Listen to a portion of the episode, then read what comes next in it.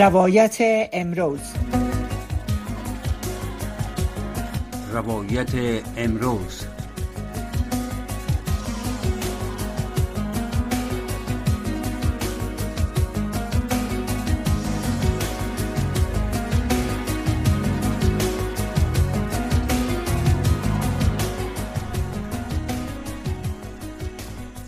های گرامی سلام. به برنامه روایت امروز خوش آمدین. جا که هستین آرزو دارم صحت و سلامت باشین.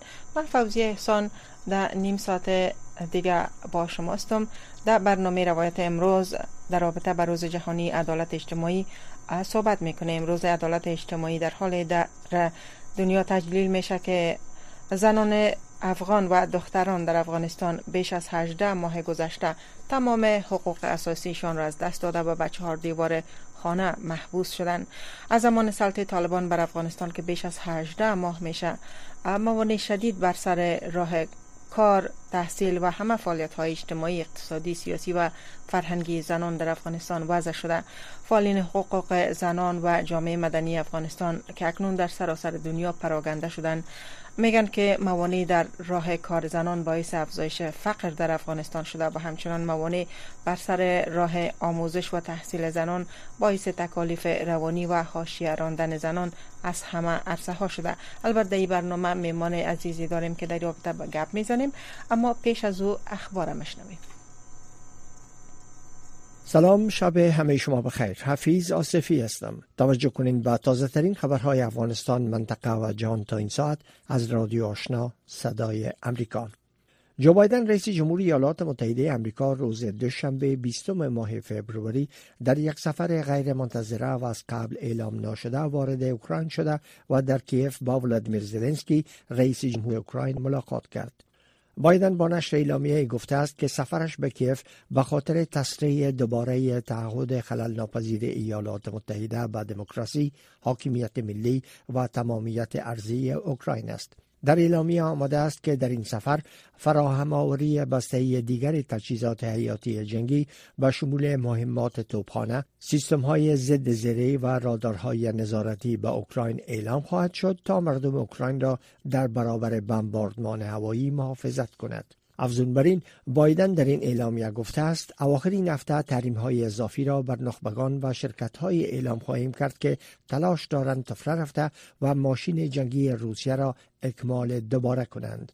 قصد صفحه گفته است که در طول یک سال که جنگ اوکراین میگذرد ایالات متحده توانسته است ائتلاف از کشورها را شکل دهد تا با حمایت غیرمنتظره نظامی اقتصادی و بشری اوکراین را کمک کنند. کمکی که به گفته بایدن ادامه خواهد یافت. این نخستین سفر او به کیف از زمان آغاز تهاجم روسیه به اوکراین است. پیش از این قصر سفید اعلام کرده بود که رئیس جمهور بایدن اواخر روز دوشنبه از واشنگتن به پولند سفر می کند این در حال است که کیف با وجود که کمک های نظامی از ایالات متحده دریافت کرده است بر دریافت تیارهای جنگی F-16 امریکایی تاکید دارد.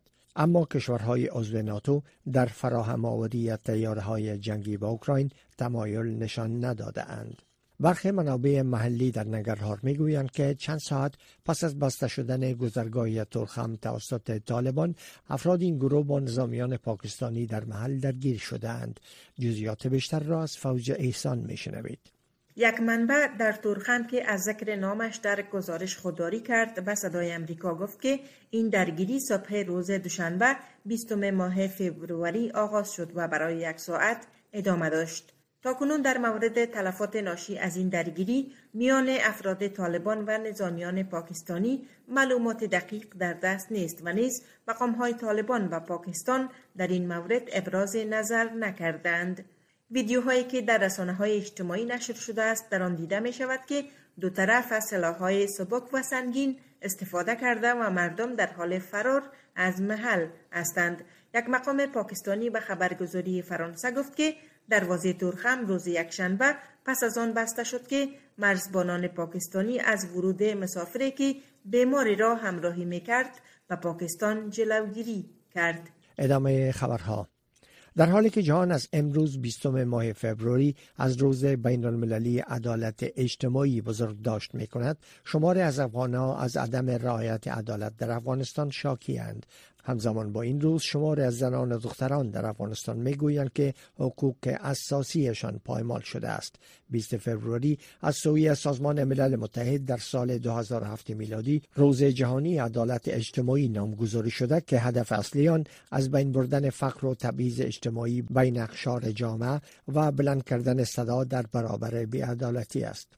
وزارت مالیه حکومت طالبان می‌گوید که در 11 ماه گذشته 100 میلیارد افغانی اواید از گمرکات افغانستان جمع آوری کردند این وزارت روز دوشنبه 20 ماه فوریه ادعا کرده است که این مقدار اواید در تاریخ گمرکهای افغانستان به پیش نبوده و قبل از حاکمیت این گروه بر افغانستان اواید سالانه گمرکای این کشور از 72 میلیارد افغانی بیشتر نشده بود. با مسلط شدن طالبان بر افغانستان این کشور در یک و نیم سال گذشته با بحران شدید اقتصادی روبرو شده و در حال حاضر کم از کم 28 میلیون نفر به کمک های بشری نیاز دارند. خبرهای منطقه و جهان را از رادیو آشنا صدای امریکا می شنوید. مقام های پاکستانی می گویند که در اثر واژگون شدن یک بس مسافربری در بخش های ایالت پنجاب آن کشور کم از کم 14 نفر کشته و 63 تن دیگر زخمی شدند. یک مقام پلیس محلی روز یک شنبه گفته است که این حادثه شب گذشته اتفاق افتاد و تمامی مجروح شدگان آن برای درمان به شفاخانه منتقل شدند. کره شمالی امروز دوشنبه در دومین آزمایش تسلیحاتی خود در سه روز اخیر دو میزایل بالستیک با برد کوتاه را در سواحل شرقی خود پرتاب کرد. در جریان سه روز این دومین آزمایش است که باعث تحریک ژاپن شده و آن کشور تقاضای برگزاری نشست فوری شورای امنیت سازمان ملل متحد را کرده است. خبرگزاری مرکزی رسمی کره شمالی اعلام کرد که اهداف حملات توپخانه آن کشور در فاصله 395 کیلومتری قرار داشته است. کره شمالی تهدید کرده است که در برابر تمرین های نظامی امریکا و کره جنوبی پاسخ بی سابقه و قوی بدهد چیزی که کره شمالی آن را تمرین تهاجم عنوان می کند. برخی تحلیلگران می گویند کره شمالی به دنبال سلاحهای قدرتمند است تا قدرت چانزنیش را در مذاکرات احتمالی با امریکا افزایش دهد. و آنتونی بلینکن وزیر خارجه ایالات متحده روز دوشنبه از کمک هایی که توسط امریکایی ها برای زلزله زده های ششم ماه فوریه در ترکیه و سوریه فراهم شده است ستایش کرد بلینکن در یک کنفرانس خبری مشترک با مولود چاوشوغلو وزیر خارجه ترکیه در انقره گفت حکومت ایالات متحده در مدت چند ساعت به این فاجعه پاسخ داده و تاکنون صدها بسته کمکی و پرسنل امدادرسان را برای کمک فرستاده است او گفت مردم امریکا نیز به این زلزله و تصاویر دلخراشان در جایی که بیش از 45 هزار نفر جانهایشان را از دست دادند واکنش نشان دادند. با این اخبار تا این ساعت از رادیو آشنا صدای امریکا با سلام مجدد به همه شنونده های رادیو آشنا صدای امریکا. برنامه روایت امروز. در برنامه روایت امروز تبریک در مقدمه گفتم. در رابطه به روز جهانی عدالت اجتماعی صحبت می‌کنیم. در 18 بیش از 18 ماهی که گذشت وضعیت عدالت اجتماعی در افغانستان چگونه بود؟ بخصوص خصوص سر موضوع زنان صحبت می‌کنیم. البته در برنامه از محترم شهلا فرید آگاه مسائل حقوقی و قبلا استاد دانشگاه دعوت کردیم که با ما باشند و در رابطه تحلیلشان و نظریاتشان ارائه کنند ببینم بانو فرید امرای ما هستین؟ در خط بله. هستین؟ خوش بله، آمدین. خوش آمدین. تشکر از حضورتان. و تشکر از وقتتان. امروز روز جهانی عدالت اجتماعی است. البته در سراسر سر دنیای روز در حال برگزار میشه که زنان افغان در داخل افغانستان با انواع ممنوعیت ها مواجه هستند و زندگی دشواری را سپری می‌کنن اول اگر کمک توضیح بتین شاخص های عمده عدالت اجتماعی چی می باشه در یک دولت در یک کشور؟ بر سلام به شما و شنوندای محترم. شما ببینید وقتی ما بحث عدالت اجتماعی می‌کنیم. عدالت اجتماعی یک پدیده اجتماعی است که به طور نسبی در بعض از جامعه بشری فعلا وجود داره. ولی ما مطلق گفته نمی‌تونیم که ما در قرن 21 تا ما جامعه را دریافت کرده نمی‌تونیم که 100 فیصد در اونجا عدالت اجتماعی تامین شده باشه. چون خود عملکردهای انسان بشر است که عدالت اجتماعی را زیر سوال قرار میده.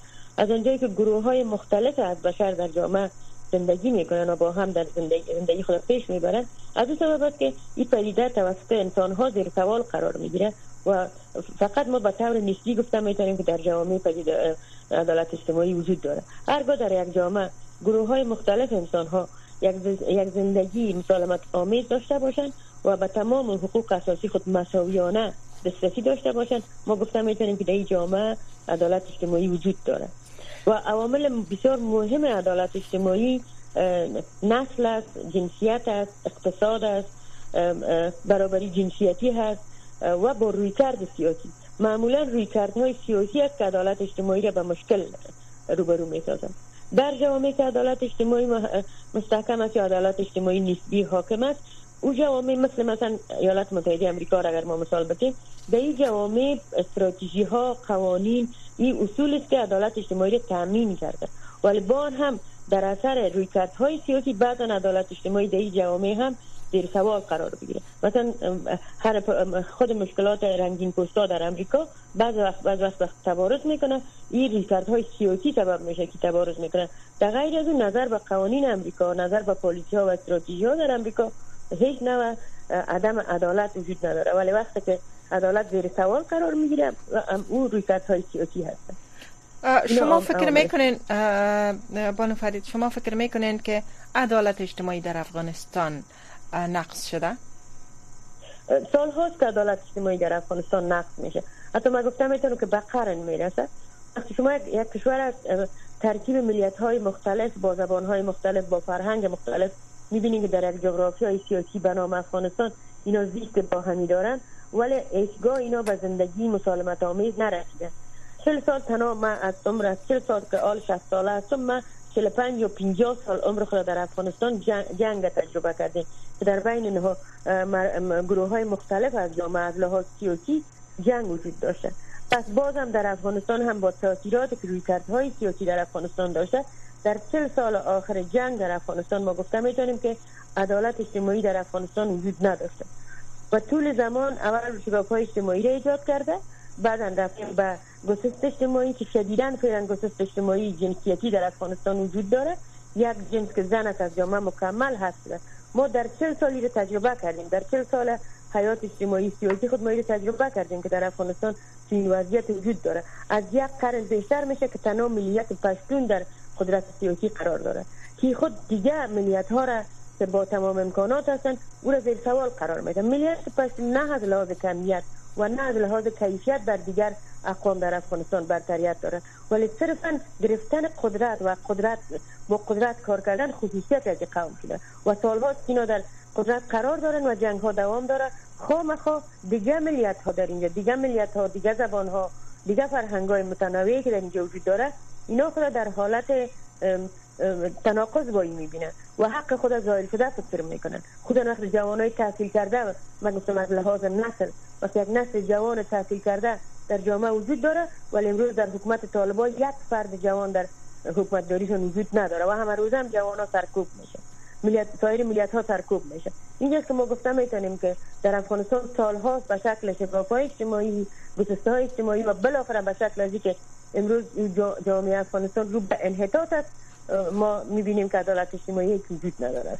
و آیا عدالت اجتماعی شامل موارد جنسیتی هم میشه؟ مثلا تبعیض بین زن و مرد تبعیض بین یعنی که ما مثل قبلا هم ما گفتیم یک عامل تبعیض جنسیتی است که در بسیاری از جوامع شکل گرفته می‌تونه. این تا در جوامع بسیار پیشرفته هم ما باز هم میگم در جوامع پیشرفته هم قوانین و پالیسی ها و استراتژی ها وجود داره که نفی کردن تبعیض جنسیتی ولی در عمل بعضا ما به او بر می‌خوریم در جوامع کاملا پیشرفته صنعتی که در قرن 21 است ولی در جوامع مثل افغانستان که قرنها بفر اجتماعی را و مشکلات عدم تامین عدالت اجتماعی تجربه کردن در این جوامع کاملا محسوس میشه.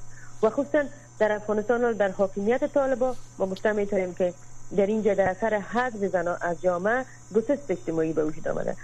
شگاف های اجتماعی و گسست های اجتماعی خودشان یکی از عوامل عدم رعایت عدالت اجتماعی در جامعه میشه حتی جامعه را به طرف بحران می‌بره با سالهای متمادی این مشکل در افغانستان تبعیض جنسیتی وجود داشت.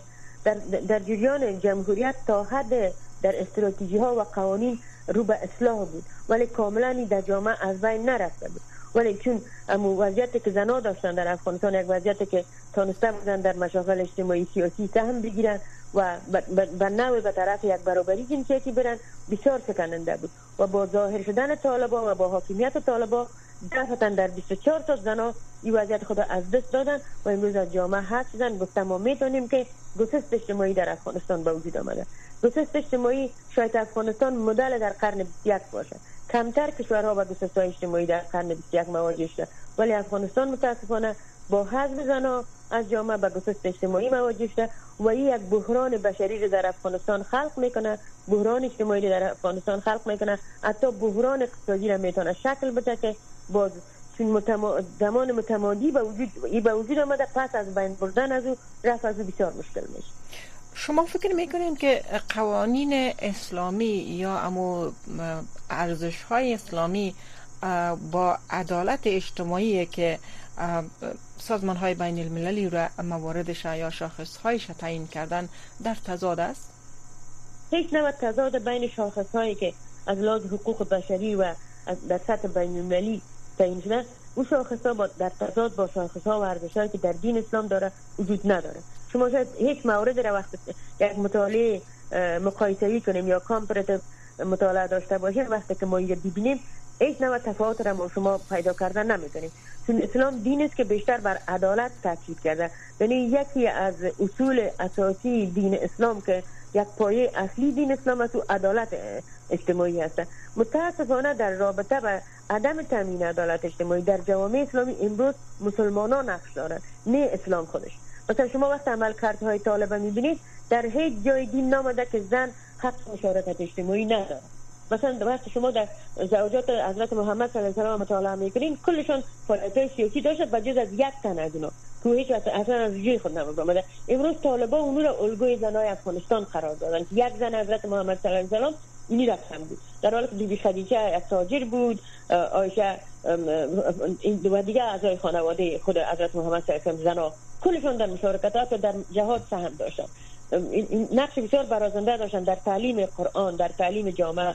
ولی ولی طالبا فقط یک زوجی را مثال میده لذا من فکر می‌کنم که برداشت مسلمان های چون گروه های اسلامی مثل طالب و داعش و القاعده اینا گروه هایی هستند که برای رسیدن به سیاست های خود زن افزار میتازن و اون سبب میشه که یک گسست اجتماعی در جامعه به وجود بیایه و اونا را جامعه هست.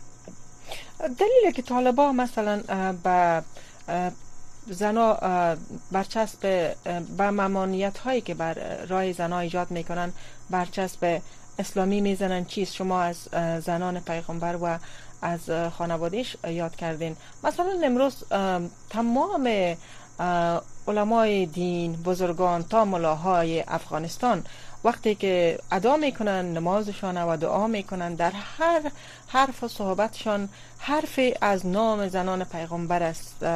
مثلا حضرت بیبی بی هاشه و بیبی بی آمنه و هر کدام از که ببینین اما ورد زبانشان است.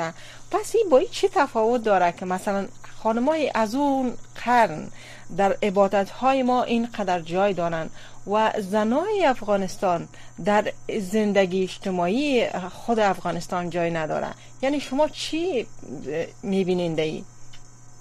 من فکر می‌کنم که طالبا از یک جهان دینی و یک شناخت جامعه از لحاظ میارهای جامعه شناسی جامعه افغانستان نتونستن مطالعه کنن یا قادر به مطالعه کنن و خود از اینا کسایی هستن که دین بیشتر به شکل میراثی گرفتن و بعدا وقت به مدارس بسیار بنیادگرانه رفتن دین مطالعه کردن دین خواندن اینا به سطح علمیت از دین نرسیدن. اینا به سطح بودن که ترک کردن کسب علم و رفتن به کوها به جنگ و مسائل و در سن بسیار نوجوانی. که در اون سن خود عمل کردهای مسلمان نوجوان که از دین کم آموخته ولی میره در جهاد شریک میشه به زن خود از اینا اینجاست که اینا دین هم خراب می‌کنن. من فکر می‌کنم که طالبا شناخت کامل از جامعه افغانستان نداشته.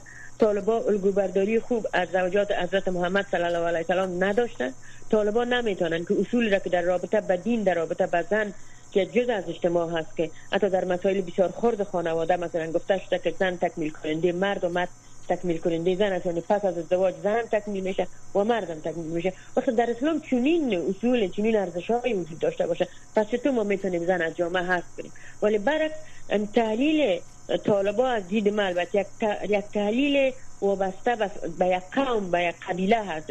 حتی از قوم پرتر که نمی‌تونیم به یک قبیله خاص برمیگرده که اینا یک تحلیل همه جانبه اجتماعی از حضور زن در جامعه نتانستن داشته باشه او را شما می‌تونین از این قبیله مشخصا نام ببرین؟ بله. به اساس مطالعاتتان می‌تونین از این قبیله شخصا نام ببرین؟ ببینید وقت ما بعض مسائل مطرح می‌کنیم. که ما بسیار در حالت اساس اجتماعی قرار داریم.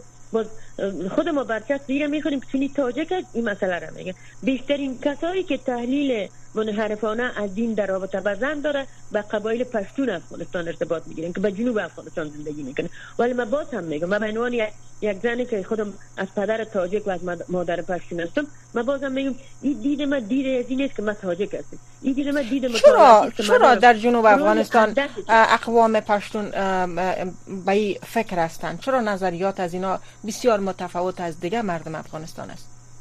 یک فرهنگ متفاوت دارن. در فرهنگ متفاوت پشتونا معمولا که تجربه شده در افغانستان و امو, امو فامیلای نقش داره که اونا بیشتر تحصیل نکردن. ما پشتونای بسیار تحصیل کرده خوب نداریم ما نمی‌تونیم از خوشحال خان خطک با عقایدش که داشت با شعرش که داشت در فرهنگ افغانستان انکار کنیم.